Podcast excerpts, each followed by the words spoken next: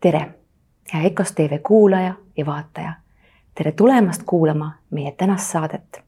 meie seekordseks teemaks on sisemine rahu. kuidas olla tasakaalus ja kuidas hoida ennast ka siis, kui ümberringi on keeruline. mina olen Kadri Pekko ja minu tänane saatekülaline on jutuvestja, eluuurija ja koolitaja Erki Kaikonen. tere. tere, tere. kuidas sa, Erki, tunned ennast praegu? Kuidas ma praegu tunnen? noh, tänases, kohe tuleb meelde tänane maailm, kui keegi küsib tänasel päeval, et kuidas sa ennast tunned ja ma arvan, et see on kõigil inimestel nii. aga ma tunnen ennast ise üsna, üsna rahulikult. E, loomulikult on see teekond olnud, et tunda ennast rahulikult, see on selline igapäevane teekond ja, ja mul on hea meel olla siin täna ja rääkida sellel teemal aga kuidas sa oled sellele rahuni jõudnud, et sinust nagu tõesti õhkab seda rahuenergiat hästi tugevalt mm? -hmm. et ja ma, ma tunnen, et see on just see, mida me hetkel vajamegi.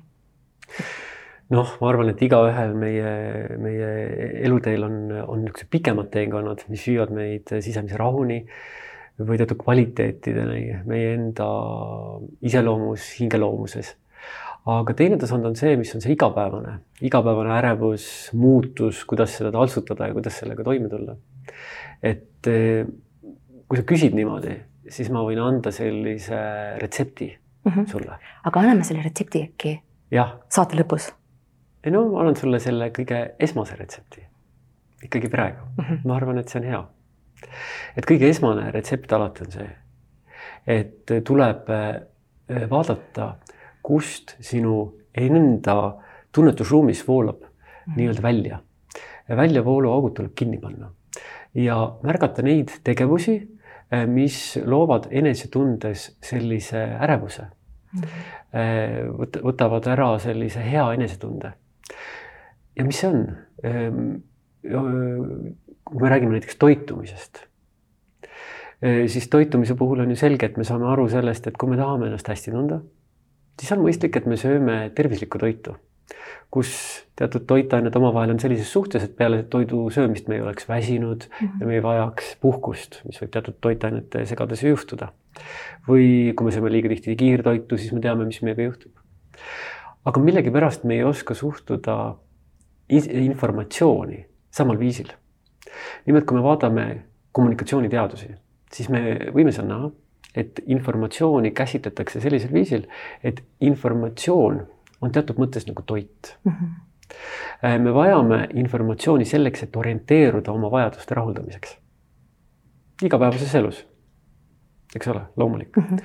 nüüd, kui toimub mingisugune muutus, eriti kui on miski seotud, mis on seotud hirmuga või ohuga, siis loomulikult see levib hästi kiiresti. see on nii-öelda meil, meie päris osa selleks, et meie saaksime ellu jääda tsivilisatsioonina, kollektiivina, grupina, hõimuna, rahvana, perekonnana ja, ja me ei pane tähele, millised on meie info kasutamisharjumused. sellepärast, et informatsioon on ka toit.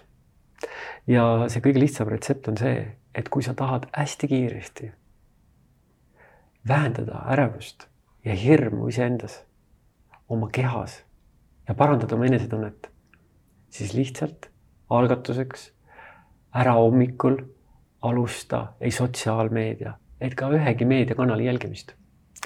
ja jätka seda paastu terve päeva. selle kohta võiks öelda infopaast. sest et kui on mingi oluline informatsioon, siis sa kuuled seda niikuinii, inimesed jagavad. ja ma kinnitan, et tunne läheb väga heaks, läheb paremaks väga heaks on võib-olla palju öeldud, aga läheb oluliselt paremaks mm. -hmm. et nüüd on küsimus selles, et kui me oleme kõrvaldanud selle, mis meid kahjustab. ehk siis antud juhul on väga tihti informatsioon. Sest me püüame seda informatsiooni ju hankida selleks, et justkui rahuldada oma, meie, oma sellist orienteerumise vajadust mm. -hmm. uudishimu. uudishimu, jah. Aga me märkame ka, et kui me ühe päeva ei jälgi või kaks päeva või kolm päeva, vahest isegi nädala. ma olen seda küllaldaselt proovinud ja praktiseerinud tegelikult juba aastaid. see on mu nagu elupõline praktika olnud viimased, ma olen kümme aastat siis, eh, siis me märkame, et enesetunne läheb oluliselt paremaks, väga okay. selgelt.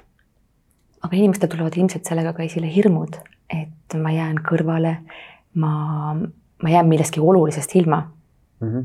jah, see võib küll olla ja selle koha peal äh, ma oskan lihtsalt öelda seda, et märka, kui turvaline on. et on täiesti turvaline kui sa ei saa seda, kui sa ei ole kontaktis selle informatsiooniga, mis praegu maailmas juhtub, et see on täiesti turvaline. et see ongi nagu see koht, et äh, kui me vaatame, kui me vaatame sellist sisemise rahu temaatikat suuremalt, äh, siis äh, üks viis, üks koht, kuidas me kaotame oma rahu, on ju see, et, et me oleme oma meeles, meel on siis mm, -hmm. nimetame siis mõistuses, oma mõtetes no kus me oleme siis, kui me mõtetes oleme, me oleme enamasti ärkvelolus olles, kui keskmine täiskasvanud inimene on kas tulevikus või minevikus. märka, kus sa oled, ole teadlik sellest, see on esimene asi teadlikkusest. teine asi on siis see, et aga kuidas tuleb rahu, rahu ei tule tulevikust, rahu ei tule minevikust. seal olles ja liikudes, need on meie sisemised dimensioonid, suunad, kui nii öelda. rahu tuleb kohalolust noh, on erinevaid õpetajaid, kes on rääkinud kohalolust. ka mulle tundus see kunagi kuidagi keeruline mm. -hmm. aga tegelikult on tegemist millegi väga lihtsaga. Äh, Ameerika põlisrahvastel on kombeks öelda, et meie keha on alati siin ja praegu. meie hingamine toimub alati siin ja praegu. ehk, ehk mida see tähendab, on see, et hästi lihtne, meil tuleb lihtsalt pöörata tähelepanu oma kehale mm, -hmm. pöörata tähelepanu oma hingamisele. märgata, kuidas me, mida me kuuleme. Äh, mida me näeme mm. -hmm. millised lõhnad, maitsed, helid ja märgata seda hetke, et kas siin selles hetkes on midagigi, mis oleks ühelgi viisil mulle eluohtlik. enamasti ei ole, enamasti ei ole. enamasti on lood lood, mille me oleme kuskilt, millega me oleme suhte loonud. keegi kuskil maailmas on loonud loo, mingi uudise, mingi informatsiooni, me loome sellega suhte ja meie alateadvus hästi kiiresti läheb tulevikku ja loob kujutluse. kujutluse sellest, mis juhtub meie või kellegi teise või maailmaga ja nüüd meie teadvus ei erista seda kujutlust enam tegelikkusest. ehk võiks öelda niimoodi, et kust saavad alguse kannatused, siis noh, sellele võib vastata erinevatel viisidel, aga üks viis öelda, et kannatus saab alguse meie meelest, meie mõistusest. ehk siis täpsemalt, kannatus saab alguse illusioonidest, illusioonid saavad alguse meie mõtlemisest. ehk meil tuleks väga tähelepanelik olla info tarbides, infot tarbides, mida meie mõistus ise sinna juurde veel lisaks sellele loob mm. -hmm. ja, ja, ja vahetevahel on nagu küsimus, et mis infot me tegelikult vajame mm -hmm. selleks, et olla täna siin ja praegu.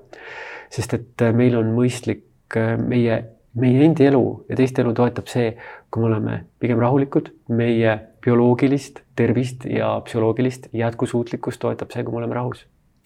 ja pigem vähendada neid asju, mis tõstavad ärevust, tõstavad hirmu, võib-olla isegi tekitavad paanikat. et nii me ei aita mitte kedagi. ja üldiselt eh, selline hirm ja ärevus tekitab mida? tekitab reaktiivset käitumist. nii indiviidides kui massides. mis see tähendab? Reaktiivne käitumine on see käitumine, äh, kus äh, me ei kaalu. Äh, me ei kaalu, kas see käitumine on mõistlik või ei ole mõistlik. see tähendab seda, et reaktiivse käitumise tugevate emotsioonide puhul, mis on siis stimuleeritud näiteks erinevatest meediumitest, võib juhtuda see, et inimesed ja massid hakkavad käituma täiesti ootamatult ja tegema asju, mida me mõtleme, et inimesed mitte kunagi ei teeks mm. -hmm sellepärast on, on hea pigem vaadata maailma sellisest rahukohast ja selle kohta öeldakse ka nii, et kui me teeme otsuseid elus, olulisi otsuseid, siis on alati hea, kui me teeme neid otsuseid rahu punktist. ehk selleks on vajalik oskus tulla rahusse, et me ei teeks otsuseid tugeva sümpaatia seisukohast või tugeva antipaatia seisukohast, sest mõlemates on illusioon ja mõlematel puhul, puhkudel võib tekkida tuleviku perspektiivis kannatus. et alati on hea, kui meil on rahu perspektiiv, kus me näeme pigem objektiivsemalt seda situatsiooni ja meil ei ole illusioone mm. -hmm. aga kui kuulaja, vaataja nüüd mõtleb, et, et ta ei suuda nädalaks seda meediapaastu teha, kas, kas aitab ka näiteks sellest, kui hommikul kaks tundi ei vaata või mis see võiks ja, olla, et äkki oleks lihtsam? see on väga hea küsimus. ma soovitan äh, igal kuulajal äh,, sul, igal kuulajal Äh, proovida. et võib-olla see on nagu see koht, kus ma isegi ei taha, et sa nagu mingeid usuksid. et keegi mind usuks, et vot see on nagu tõsi. vaid pigem on see mõte selles, et proovi järgi, proovi veeta üks päev nii, et sa üldse meediat ei puutu mm, -hmm. ka mhm. sotsiaalmeediat, mitte mingisugust voogu. lihtsalt oled kohal siin, teed neid asju, mis sulle meeldivad. võib-olla vaatad mõnda meeldivat filmi, midagi, mis sulle võiks meeldida, võib-olla vaatad mõnda toredat Jaapani multifilmi näiteks või midagi sellist.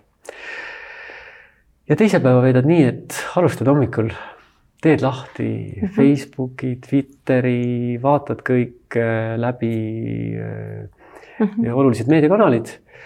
kohe esimese asjana? ja kohe siis, kui sulle tundub, et vot tahaks seda teha ja et nagu noh, palju tihti inimesed teevad niimoodi ja siis märka, kuidas sa ennast tunned, aga märka enne seda oma enesetunnet mm -hmm. ja mhm. märka peale seda mm -hmm. enesetunnet. ja siis sa mõistad, mis loob sinus tundeid, mis loob sinus emotsioone mm. -hmm et eh, see on üks nagu sellise tervisekäitumise, vaimse tervise seisukohast väga oluline koht. mina olen seda enda, enda peal ka märganud, et seda vahet, just seda tuntavat vahet, kui ma kiirustan hommikul, et eh, mis energiaga see loob nagu päeva. et eh, aga mis see sisemine rahu siis ikkagi on, mida me kõik justkui taga ajame, et aga võib-olla me ei olegi nagu mõtestanud, et mis see täpselt siis on, mida me taga ajame jah, noh, see sisemine rahu, eks ole, siin ei ole õiget vastust. siin ei ole õiget vastust. ma arvan, et see sisemine rahu, noh, see on, see sisemine rahu on ühest küljest, see ei ole nagu niisugune konstant. muidugi on inimesi, kelle puhul me võime näha, et neile tundub, et neis on seda sisemist rahu, nad nagu kiirgavad seda rahu ja, ja nad on kuidagi turvalised ja, ja mis tähendab ilmselt mida, see tähendab eneseusaldust ja see tähendab usaldust Eh, selle suhtes, et sa igal hetkel suudad teha õigeid otsuseid, eks sa ei pea nagu kogu aeg ekslema tulevikus, vaid et sa oled kohal ja see kohalolu loob selle rahu. Mulle tuleb meelde sellest, et eh, jälle Ameerika põlisrahvaste tarkusest, et nad ütlevad niimoodi, et sisemine sõdalane, sisemine sõdalane, et meis kõigis eksisteerib meie sisemine sõdalane. see sisemine sõdalane öö, varitseb iseennast ta varitseb meid endid, see on meie sisemine vaatleja, kes varitseb iseennast, võtab täieliku vastutuse oma kogemuse eest, oma kogemuse, see tähendab oma emotsioonide ja selle mhm. eest, kuidas ta maailma tajub, süüdistamata selle eest teisi. et aru saada ka sellest, et kuidas meie hinnangud maailma suhtes, mida me anname inspireerituma, inspireerituna hinnangutest, mida on andnud teised näiteks kas läbi meediumite või, või läbi lugude, juttude, hakkavad võimendama meie tundeid. tähendab, et me, me hakkame kohtuma iseenda antud hinnangutega, kui me mõtleme maailma peale. Me ei kohtu maailmaga, me kohtume omaenda kujutlusega ja jutustusega maailmast. noh, seda ma võin nagu öelda muinasjutuvestjana, kuna ma tegelen narratiivide lugudega väga palju ja liigun neis iseenda sees väga palju. lugu rääkides ma pean ju sinna loo sisse minema ja ma saan väga hästi aru, mis tähendab minna loo sisse, tulla sealt välja väga tähtis on osata minna loo sisse, tulla sealt välja. väga tihti, mis juhtub meil kui ka meediatarbijatel, me lähme loo sisse, aga me ei oska sealt välja tulla. Aga sa küsisid rahu kohta, läksin natuke vahepeal kõrvale. rahu on vaikus, ma arvan. et jälle ma ei pretendeeri tõele, aga see on oskus leida vaikust iseenda sees. et ma nimetasin usaldust, sellist usku iseendasse usaldust iseenda vastu ja ka sellist oskust leida siis vaikust iseenda sees. noh, mis seda võimaldab, ikkagi ilmselt mingil viisil aeglustumine. et ega, ega kõige kindlam viis, noh, sa mainisid seda, et hommik kui väga oluline hetk päeva sissejuhatava meeleolu loomisel on ju, et on oluline see, et me alustame oma päeva rahulikult mm.. väga palju tuntud inimesi, kes kes võtavad selle päe-, hommiku just niimoodi, et hästi tähtis on, et nad kohe loevad midagi hommikul, joovad teed mm, -hmm. nad naudivad seda hommikut, mitte ei kiirusta läbi selle hommiku, tõusevad sellepärast varem üles, et nad võiksid nagu alustada seda päeva nagu nautides mm -hmm. rahulikult. Ja sama asi on ju ka looduses käies. et, et kui me looduses liigume tohutu kiirusega, siis me ka märkame vähem. ja siis meie sees on niisugune vibra mm. -hmm. aga kui me liigume hästi aeglaselt ja rahulikult, siis me võime isegi märgata, kuidas mingil hetkel, kui me looduses liigume liiga kiiresti, tuleb natuke nagu uni peale. see on sama asi nagu merele minnes laevaga võib tulla nagu uni peale. sest et see ei ole linnakeskkond, see on looduskeskkond mm. -hmm. ja mis see tähendab? me oleme keskkondlikud olendid. Keskkond mõjutab meid. me peaksime kohanema. me peaksime teadvustama seda. looduses on niisugune, kasutatakse niisugust mõistet, oli niisugune teadlane nagu Schumann, kes siis defineeris sellise sageduse nagu Schumanni resonants, mis on seitse koma kaheksakümmend kolm hertsi. küll viimastel aegadel, viimastel aastatel, eriti viimasel aastal on see see Schumanni resonants hoopis teisi numbreid näidanud ja midagi on sellega seoses siin planeedil muutumas, seda näitab aeg. igal juhul see mõjutab meie teadvusseisundit, see mõjutab kõikide rakkude elutegevust ja see on vajalik kõikide rakkude elutegevuseks. ja sellepärast on teaduslikud uuringud, kus on leitud, et meil oleks väga kasulik viibida looduses vähemalt kakssada tundi aastas. ehk see tähendab seda, et looduses me saame loodusega ühte rütmi, kui me liigume rahulikult. eks see rahu mõiste, kõik tegevused, mis võimaldavad meil tulla kohale, on selleks siis see, et me läheme näiteks sauna. noh kui niimoodi öelda, et siis võiks öelda niimoodi, et mis aitab tasakaalustada emotsioone ja mis aitab tasakaalustada mõtteid. kuidas sina näed, mis aitab tasakaalustada emotsioone ja mis mõtteid? sinu enda jaoks? minu enda jaoks ongi loodus mm, -hmm. jalutamine see tasakaalustab mul kõige paremini. ja erinevad veeprotseduurid. ja mul on veel praktikaid, mis hingamine, teadlik hingamine, hingamispraktikad, liikumine, jooga. mis hingamispraktikaid sina kasutad? mina kasutan enamasti siis lihtsat ruudu hingamist mm, -hmm. lihtsalt hingan sisse neljaga, hoian neli kinni hingan välja neljaga ja hoian kinni, et selline ruudu hingamine. ruudu hingamine, et on võrdne mm. -hmm. Mm -hmm. Ja tihti ma jahut-, kasutan ka sellist, kui ma tunnen, ma vajan jahutamist, siis ma hingan sellist nagu kahinaga välja, et ähm,. et siis on nagu keha jahutamine mm. aga ja kõige rohkem aitab mul äh, liikumine looduses mm. just, et see üks hea põhjus, miks looduses liikumine aitab või üldse, kui meie enesetunne ei ole väga hea, siis üks esimesi, esimesi asju, mida ma mäletan, ma olin eelteismeline või muidugi teismeline, üsna noor.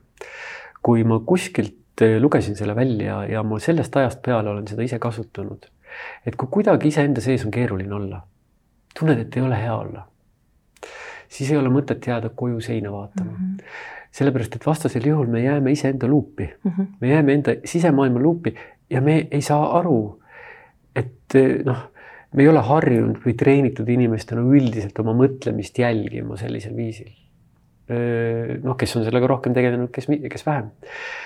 igal juhul võime jääda luupi mm -hmm. ja me ei erista luupi tegelikult nagu illusiooni tegelikkusest, mis tähendab seda, et kui me liigume, kui me astume kodust välja, siis hakkab maailm meie ümber liikuma ja maailm meie ümber liikudes hakkab liigutama maailma meie sees.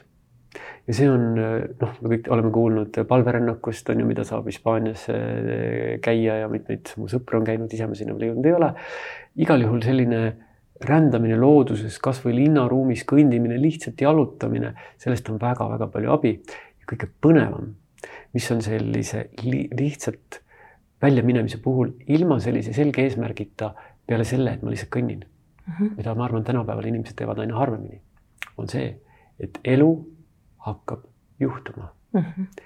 et see on see koht, et äh, ma toon hoopis võib-olla teise teema sisse, aga kui me meenutame lapsepõlve, siis meil oli tunne, et maailm on imeline, see on see maagiline reaalsus mm, -hmm. kus elu juhtub ja asjad juhtuvad mm. -hmm.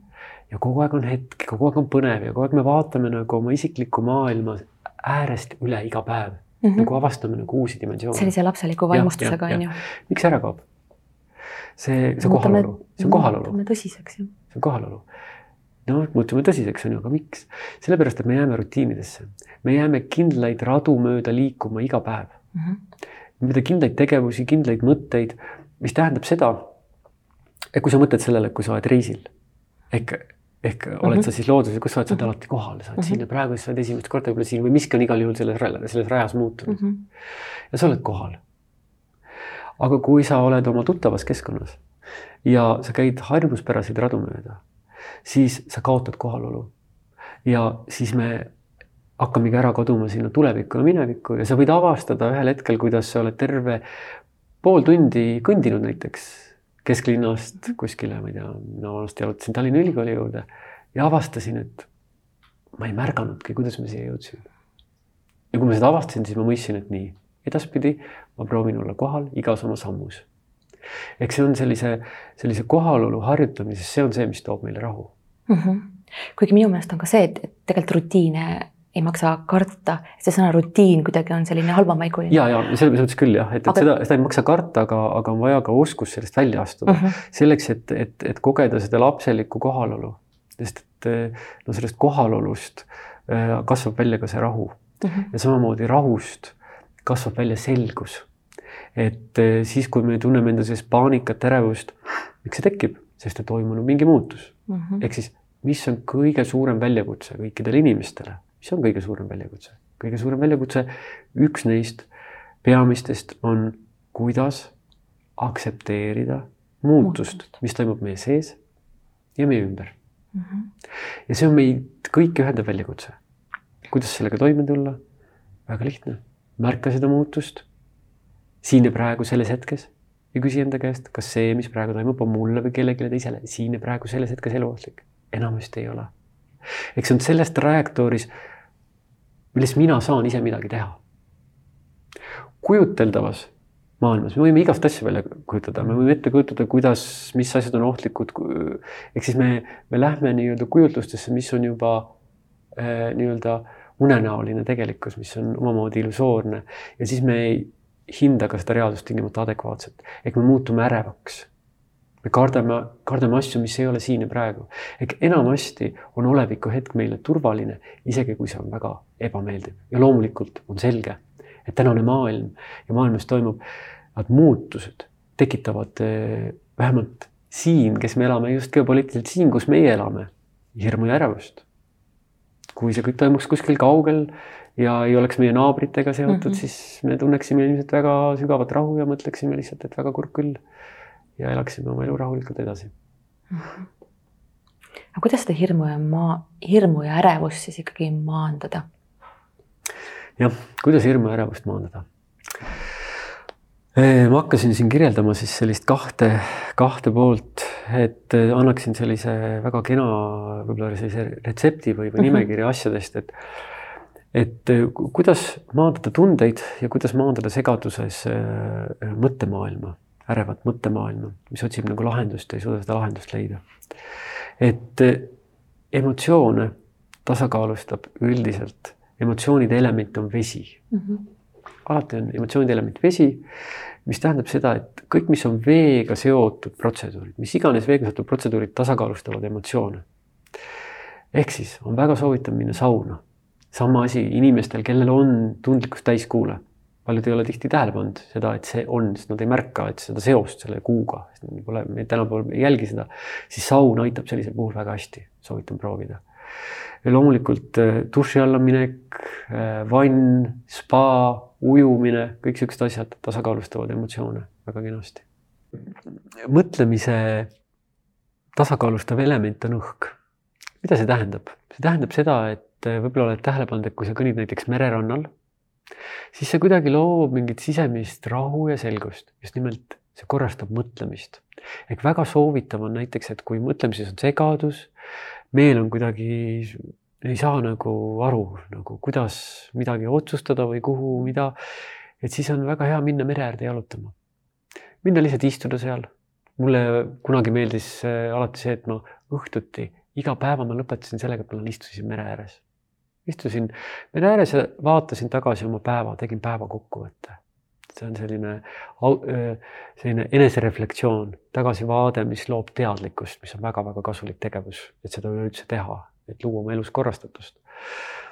teine asi on jalutada sellistes kohtades, kus on kuskil avarad või, või kõrged, siis see kõrgus loob ka seda korrastatust mõtlemises. nii et see on see lahendus loomulikult püüda kontrollida oma mõtteid ja tundeid on asjatu, pigem on küsimus, kuhu me oma tähelepanu keerame, pöörame, sest meie oleme kapten selles laevas.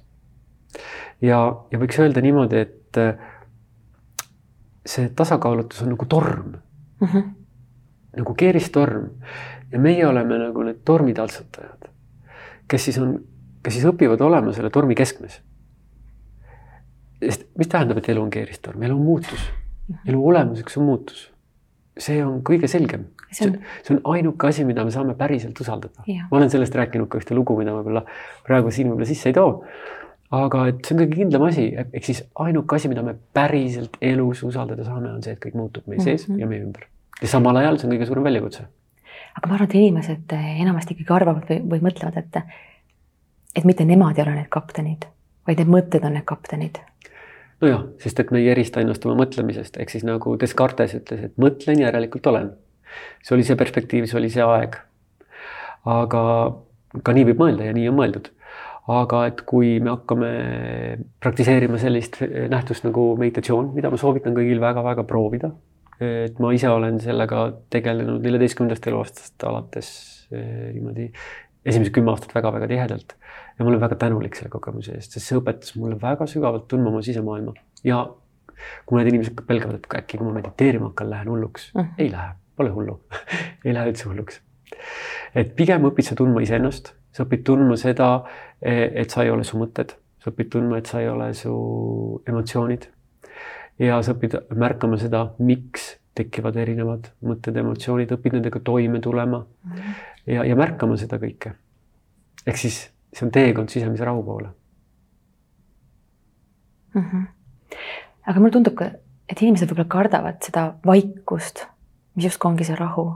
Kardavad seda vaikust luua endas mm,. see on äh, muidugi väga hea tähelepanek. et äh, see on seesama koht, kus me näiteks vestleme teise inimesega ja tekib vaikus mm. -hmm. ja siis on niisugune nähtus nagu sotsiaalne ärevus, et mm -hmm. selle vaikuse peaks nagu ära täitma. mäletan, mul oli äh, kunagi, võib-olla minu praeguses sõpruskonnas, selles suures sõpruskonnas ei ole sellist temaatikat, et see vaikus on nagu väga meeldiv ja me vaikimegi koos ja me räägime koos ja me anname seda ruumi, see on see kuulamise ruum tegelikult. sest kuulamine on koostöös eeldus aga et kui seda ei ole, siis ähm, selline oluline asi, et me, me võtaksime teistel pinge maha. ma kunagi tegelesin sellega, et ma märkasin, seda on kohe tunda, kui teises on see mhm. ärevus, sotsiaalne ärevus, siis ütleb, et et siis ma ütlen tavaliselt, et kas sa märkad, et, et inimestel on vahest nagu kuidagi noh, natuke ebameeldiv, kui tekib vaikus, aga me võime kokku leppida, et see on täiesti okei okay,, et me võime vahepeal vaikida ka ja sellega me võtame selle pinge maha. eks see on üks sihuke suhete tasandil, aga tõesti et eh, tihti vaikus meis tekib siis, kui ähm, näiteks nagu öeldes, lähme istume tualeti mm, -hmm. siis äh, oleme, me teame seda ütlust, et kõige paremad mõtted tekivad WC-s. no aga miks nad tekivad seal? Seal on, meil nagu tekib niisugune vaikuse hetk mm. -hmm. võtame aega. me saame kontakti oma kehaga, me oleme päriselt siin, kõlab nagu nagu natuke naljakalt ja, ja kummastavalt, aga vahetevahel on äärmiselt kahetsusväärne, kui see on meie ainuke vaikuse hetk meie päevas. ja siis on see, kui me läheme voodisse, paneme silmad kinni, aga no siis me kaotame teadvuse, jääme magama. meditatsiooni olemuseks ongi see, et me julgeme astuda vaikuse poole ilma magama jäämata ja märkame kõike seda, mis meie sees liigub. loomulikult on selle kohta väga palju erinevaid õpetusi, kuidas seda täpselt teha ja nii edasi ja sellel teel on maailmas küll küllaldaselt kõike, mida me vajame. aga kuidas me võiks sellest mediteerimisega alustada, kui inimene pole varem sellega kokku puutunud? noh, ma arvan, et kõige selline lihtsam viis alustada oleks see, et ähm, kui sul on vaikne keskkond, kus on väga suur vaikus, võib-olla on seal linnulaul, võib-olla kella tiksumine võiks häirida, pane see vaiksemaks, hoolitse sellest, et sa oled WC-s käinud, et sind mitte miski ei häiri, et sul oleks ka kõht. Piisavalt täis, aga mitte liiga täis, sest muidu sa kipud magama jääma. hea on, kui oleks liiga õhtu, sest siis sa kipud jälle magama jääda, siis on võib-olla raske, peaks olema selline aeg, kus sa oled veel piisavalt erk, ergas. ja siis pane silmad kinni, loomulikult võib ka mediteerida silmad poolpilukil, on erinevaid viise. Mm, -hmm. aga võib-olla algatuseks on lihtsam seda teha silmad kinni, leia selline asend, kus sul on selg sirge. Sest pikali asendis võib jääda magama. ja, ja võib istuda niimoodi, nagu mina siin istun praegu tooli peal, võib istuda rätsepistmes ehk siis jooga asendis, kui sul jalgadele see sobib, võib istuda padjal, maas, erinevaid viise. panna käed jalgade peale, et keha saaks lõdvestuda, lõdvestada kõigepealt keha, panna silmad kinni ja märgata, et õlad on lõdvestunud, käed on lõdvestunud ehk oma teadvusega käia korraks keha läbi, seda mm -hmm. nimetatakse keha skänni, skänneerimiseks, lihtsalt käia läbi ja märgata, et iga välja hingamisega lõdvestud. ehk väga oluline märksõna on hingamine meditatsiooni puhul üks võib-olla kõige sihukesi algseid klassikalisemaid, mäletan ise, kui ma kunagi alustasin mediteerimist neljateistaastaselt, oli see, et loe numbrid lihtsalt tagurpidi mm. -hmm. sest siis ei lähe automatismi peale, loe numbrid tagurpidi, anna sellele mõistusele mingi tegevus, sest mis juhtub, mõistus hakkab mõtlema kõiki neid mõtteid, mis on mõtlemata ja kõiki asju, mis tulevad järsku meelde, kõik see hakkab alateadvusest kerkima ja siis ei maksa enda peale pahane olla. aga miks ta siis kerkima hakkab? no sellepärast, et tekib vaikus ehk siis võiks öelda ka niimoodi, et meie alateadvus hakkab otsima nagu tasakaalu. eriti hea näide on see, noh, et kuidas saab testida näiteks sotsiaalmeedia mõju iseendale. on see, et sa oled vaadanud seal, scroll inud seda niimoodi kümme minutit, pool tundi, võib-olla mõnikord ka tund aega.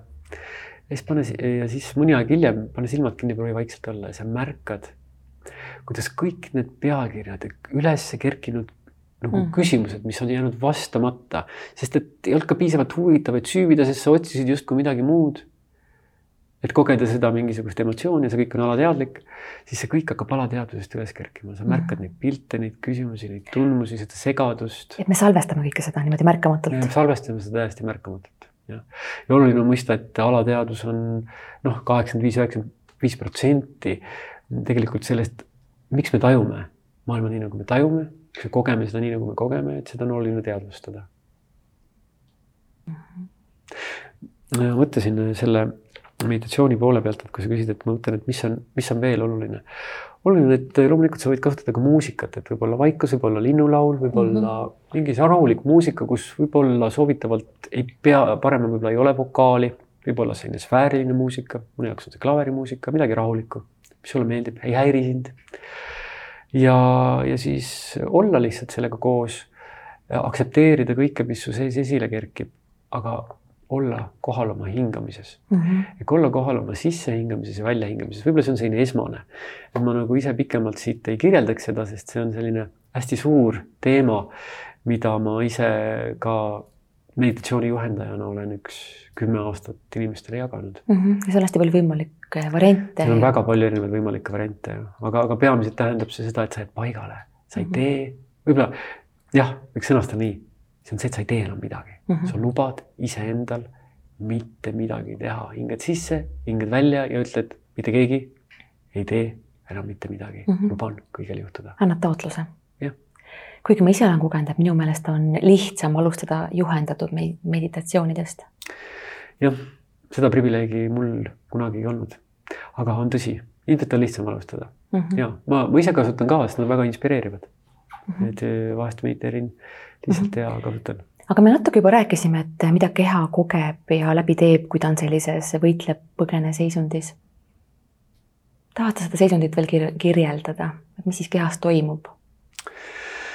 Noh, ma pean tõdema, et ma ei ole ei, otseselt selle valdkonna spetsialist, et kirjeldada nüüd bioloogilist tasandit või neuroloogilist tasandit, mis seal täpselt meil toimub mm. -hmm. aga selge on see, et meie adrenaliin läheb ülesse ja, ja me muutume ärevaks. ja, ja see tähendab seda, et meie selline selge mõtlemine ja, ja adekvaatne reaalsuse taju äh, ilmselt nõrgeneb.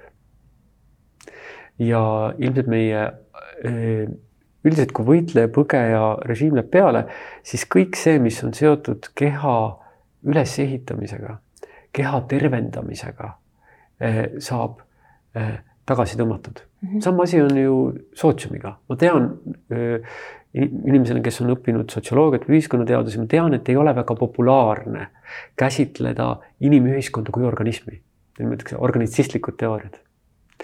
Äh, aga mina ise, ise äh, vaatan seda tihti hea meelega nii, ma proovin vaadata erinevatel viisidel, olla avatud.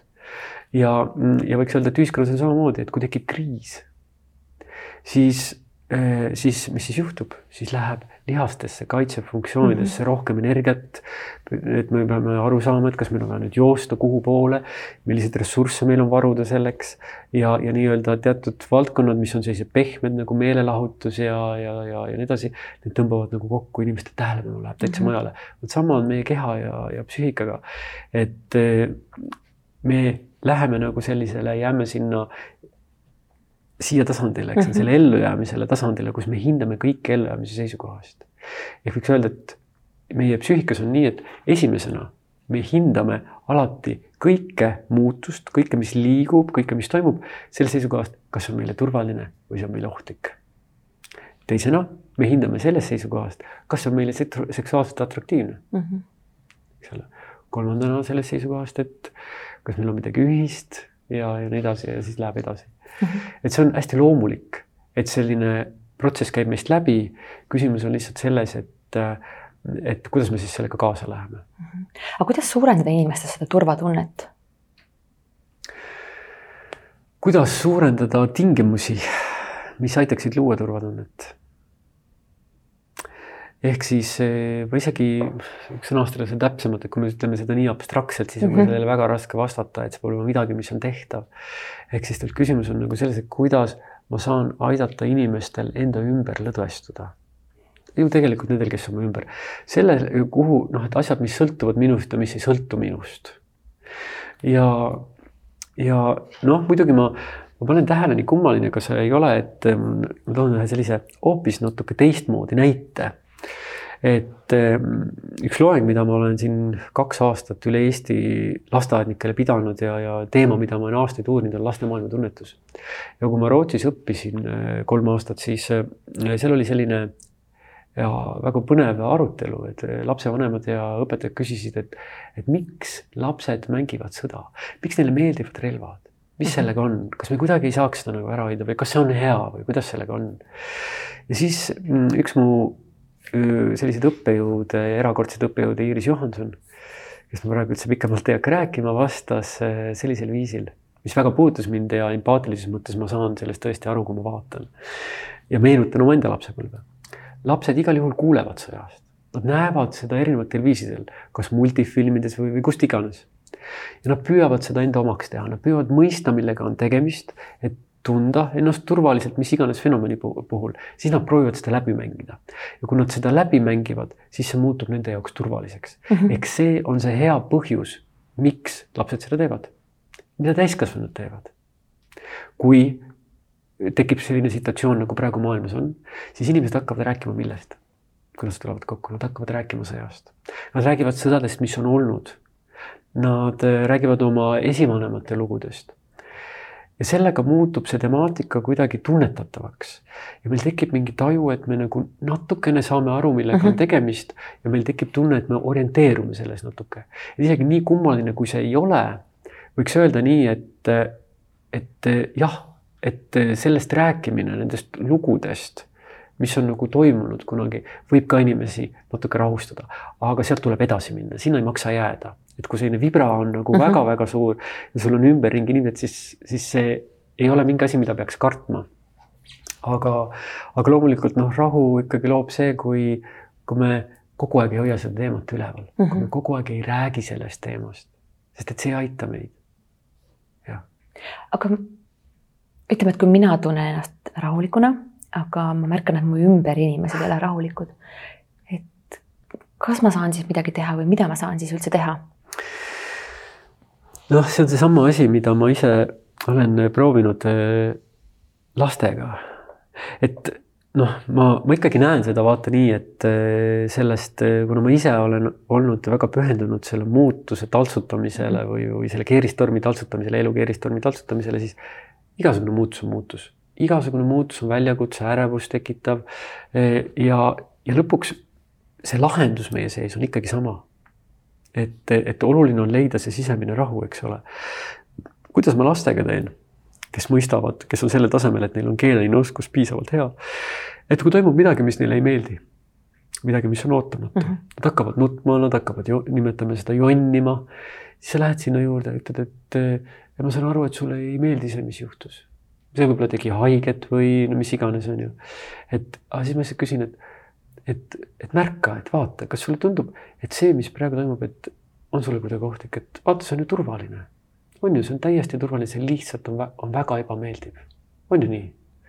ja siis me aktsepteerime seda. see on väga ebameeldiv, aga see on täiesti turvaline hetkel. ja see on üks asi, mis loob selle rahutunde. muidugi võiksid mingid inimesed selle peale öelda, et et aga siis me oleme ignorantsed, siis me oleme illusioonides, me peaksime ikkagi mõtlema tulevikule ja mm -hmm. me mhm. peaksime, peaksime mõtlema kõigele sellele, mis võib juhtuda. jah, loomulikult võib seda teha, meil on vaba tahte maailm, aga märgakem seda, mis juhtub siis meie endiga mm. -hmm. ja väga tihti on see, ma toon väga lihtsa näite. mis on üldse konfliktide eelduseks, inimestevaheliste konfliktide eelduseks? see, et tähendab, et kui me kogeme teisi inimesi kui meie, et meie oleme meie mm, -hmm. siis me ei tõsta kätt, siis me proovime mõista, me proovime aru saada, miks teine ütleb, mida ta ütleb, e, miks ta käitub nii, nagu ta käitub. meil on selline hea, heasoovlikkus. nii kui me defineerime teise, et tema on teine, mhm. see rahvas on teine, nemad on halvad, siis sellisel juhul empaatia saab otsa. me ei proovi enam mõista, me pigem tegeleme hukkamõistmisega. meil on tunne, et karistamine on okei okay. meile tundub, et kõik see, mis oli seotud inimõigustega, kehtib ainult meie suhtes, aga ei pea kehtima teiste suhtes. ja, ja see on see koht, kus me võiksime olla ärkvel, et me ei läheks nendesse kohtadesse mm, -hmm. et vältida kõike seda eh, oma igapäevases kommunikatsioonis ja tegevuses, mis ei ole teisele, teistele kingituseks, mis ei tõsta, vaid tõmbab alla, mis ei ühenda vaid eristab. nagu ma ütleksin, et see ülddünaamika meie maailmas on see, et eh, valigem seda, mis ühendab. aga Erki, mis aitab hoida südant avatuna mm? -hmm. et kas see ühendus, mis sa just rääkisid? mõistmine? jah, see südame avatuse koht on see, et äh, jälle siin on see koht, et aitab hoida, et aga miks siis kaob ära südameavatus. et armastus on alati kõige all. mida iganes maailmas tehakse, on selle taga kas armastus iseenda vastu. võiks öelda niimoodi, et on agressioon, viha on selle mhm. all, viha all on hirm ja hirmu all on armastus millegi pärast mm. -hmm. ehk siis maailmas eksisteerib kahte tüüpi inimkäsitlust. üldiselt ähm, sellise mm, nagu äh, õigusega seotud institutsioonid ja korrakaitsega institutsioonidel on omane käsitleda maailmas, ka Eestis, inimest kui pigem pahatahtlikku. kui pigem seda, keda, et juhul kui inimest ei kontrollita, ei piirata, siis ta ilmselt ületab piire mm. -hmm. teine käsitlus on humanistlik käsitlus ja humanistlik käsitlus, eh, mida ka Kanti, kes on ju olnud rahu selline, võib-olla selline eeskõneleja maailmas on ju ja paljud teised, on kirjeldanud siis, et humanistlik käsitlus on see, et inimene on loomult heatahtlik. ja et inimeste käitumise taga on alati ilusad vajadused. Ja vajadused ei ole kunagi head, ei ole halvad. Head ega halvad, nad lihtsalt on. kuuluvuse vajadus, tähenduse vajadus, vabaduse vajadus, turvatunde vajadus, vajadus ennast jagada, vajadus eristuda, vajadus samastuda ja nii edasi ja nii edasi. nüüd, nüüd, mis, mis võimaldab seda armastust hoida, on see, et, et me tuleme, me ei keskendu sellele, mis hirmutab ma, võib-olla ma jagan ühte niisugust äh, väga konkreetset kohta, et äh, näiteks on niisugune õpetaja nagu Ram Dass, kes mm, -hmm. kui ma ei eksi, ma võin eksida siin, kui kaks aastat tagasi või, või kolm aastat tagasi lahkus. Ameerikas tuntud äh, guru äh,. ja, ja temal on niisugune ütlus, et, et ta ütleb niimoodi, et mul on üks asana, üks minu elu põhiline praktika, joogapraktika, mis kõlab järgmiselt. I am loving awareness mm -hmm. ehk siis ma olen armastav teadlikkus või teadvus. ja see ei ole mitte see ego tripi koht mm. -hmm. vaid see on nagu palve või kavatsus, see on suundumus, see on suundumus, see on see, kuhu ma vaatan, see on see, kuhu ma ennast häälestan. ja ma tõesti kinnitan, et see töötab et see on üks viis, mis töötab, sest üldiselt, mis juhtub, on see, et see hirm varjutab ära selle armastuse ja siis me ei saa sellega kontakti. küsimus on selles, kuidas tuua ennast sellest välja mm. -hmm. aga Erki, kui anda nüüd veel sellised konkreetsed soovitused, mis need võiks olla, et hoida seda sisemist, hoida, kõigepealt saavutada ja siis hoida sisemine rahu. mis mm -hmm. need mhm. olla võiksid? Noh, konkreetsed soovitused on ikkagi see, et, äh, et vältida kõike seda, mis seda rahu ära võtab. sellepärast, et me peame igapäevases elus funktsioneerima. meie kehal ei ole see kindlasti kasulik, kui me oleme ärevad, kui meil on võitlev närvisüsteem peal, see kahjustab meid pikaajalises perspektiivis kindlasti. ja vältida kõike seda ja valida neid asju, valida neid asju, mis meid toetavad, valida neid inimesi kes on meile kingituseks. valida neid keskkondi, mis on kingituseks, valida neid tegevusi, mis teevad hea tunde. jah, see on nagu esmaselt, mida võiks öelda ja proovigem olla siin, mitte seal kuskil minevikus või tulevikus. mitte nendes lugudes ja kui sa peaksid andma kuulajale praegu lõpetuseks siit ühe asja, siis mis see üks asi oleks? kui ma peaks andma ühe asja, siis äh, ma jagaksin sinuga ühte kõige suuremat kingitust, mille ma olen saanud. inimesed, kes äh, satuvad, kelle tee toob äh, mind, toob neid minu meditatsioonikursustele, mida ma aeg-ajalt läbi viin ja, ja ka varsti hakkan läbi viima, üks, siis, siis ma räägin selle rohkem lahti aga see on hästi lihtne, et see on siis usalduse küsimus, seda proovida. et eh, see näeb niimoodi välja, et eh, pane silmad kinni. hinga sügavalt sisse ja märka hingamist oma rinnaku keskmes ja märka, kuidas kehale meeldib sissehingamine. ja välja hingates ei tee enam mitte keegi mitte midagi, mitte kui midagi, luban kõigel juhtuda hingamisel ja helidel luban juhtuda, aga ei tee mitte midagi.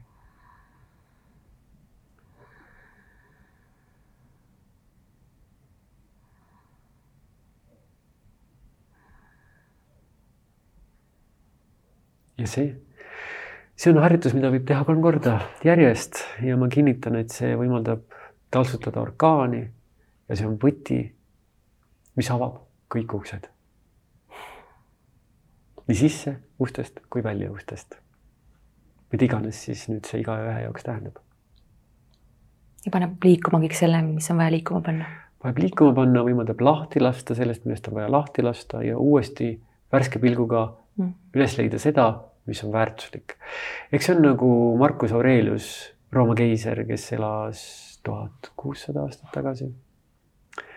oma pihtimustes iseendale on öelnud et olgu lühikesed need hetked, olgu lühikesed need hetked, et saabuda täielikult äh, pesnuna, puhastununa, heatahtlikuna siia maailma tagasi.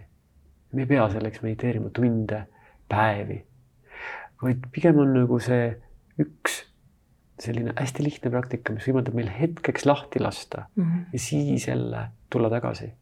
sest üks asi, mida me siin elus ju õpime, on lõdvestumine me iga päev õpime lõdvestumist ja mida paremad lõdvestujad me oleme, seda paremini me suudame kohaneda. sest meil on vaja osata nii lõdvestuda -hmm. kui võtta vastutus mm. -hmm. siis me ei ole nii krampis ja nii kinni. nii krampis jah, ja seda ju kõige suhtes. sest kogu aeg on midagi, mis meie muutuses võiks häirida. loomulikult on see, et mida vanemaks me saame, seda jäigemaks me muutume ja, ja, ja, ja seda kergemini hakkavad asjad meid häirima et sellepärast on hea hakata lõdvestumise harjutamisega tegelema juba varakult. aitäh sulle, Erki. aitäh. loodan, et, loodan, et igalühel oli siit midagi kaasa saada. ja, et just see tunne ja see rahu ja samas ka see lihtsus. et see ei pea olema keeruline, et olla rahus et siin ongi väikesed asjad tegelikult. see ei pea olema keeruline ja, ja, ja just jah, et hästi-hästi tihti on see, et need olu, asjad on lihtsad mm. -hmm. et kannatus tuleb illusioonidest, illusioonid tulevad meelest ja me peame aru saama, kust nad sinna meelde tulevad. me peame selle meele puhtana hoidma esimesena. see on nagu tervislik toitumine, informatsioon mm -hmm. on toit. tuleb targalt toituda. aitäh sulle. ja aitäh sulle, kallis kuulaja. ma soovin sulle rahulikku meelt lõdvestunud ole, olemist ja et sa lihtsalt võtaksid endale aega ja märkaksid oma tundeid ja emotsioone. uute kohtumisteni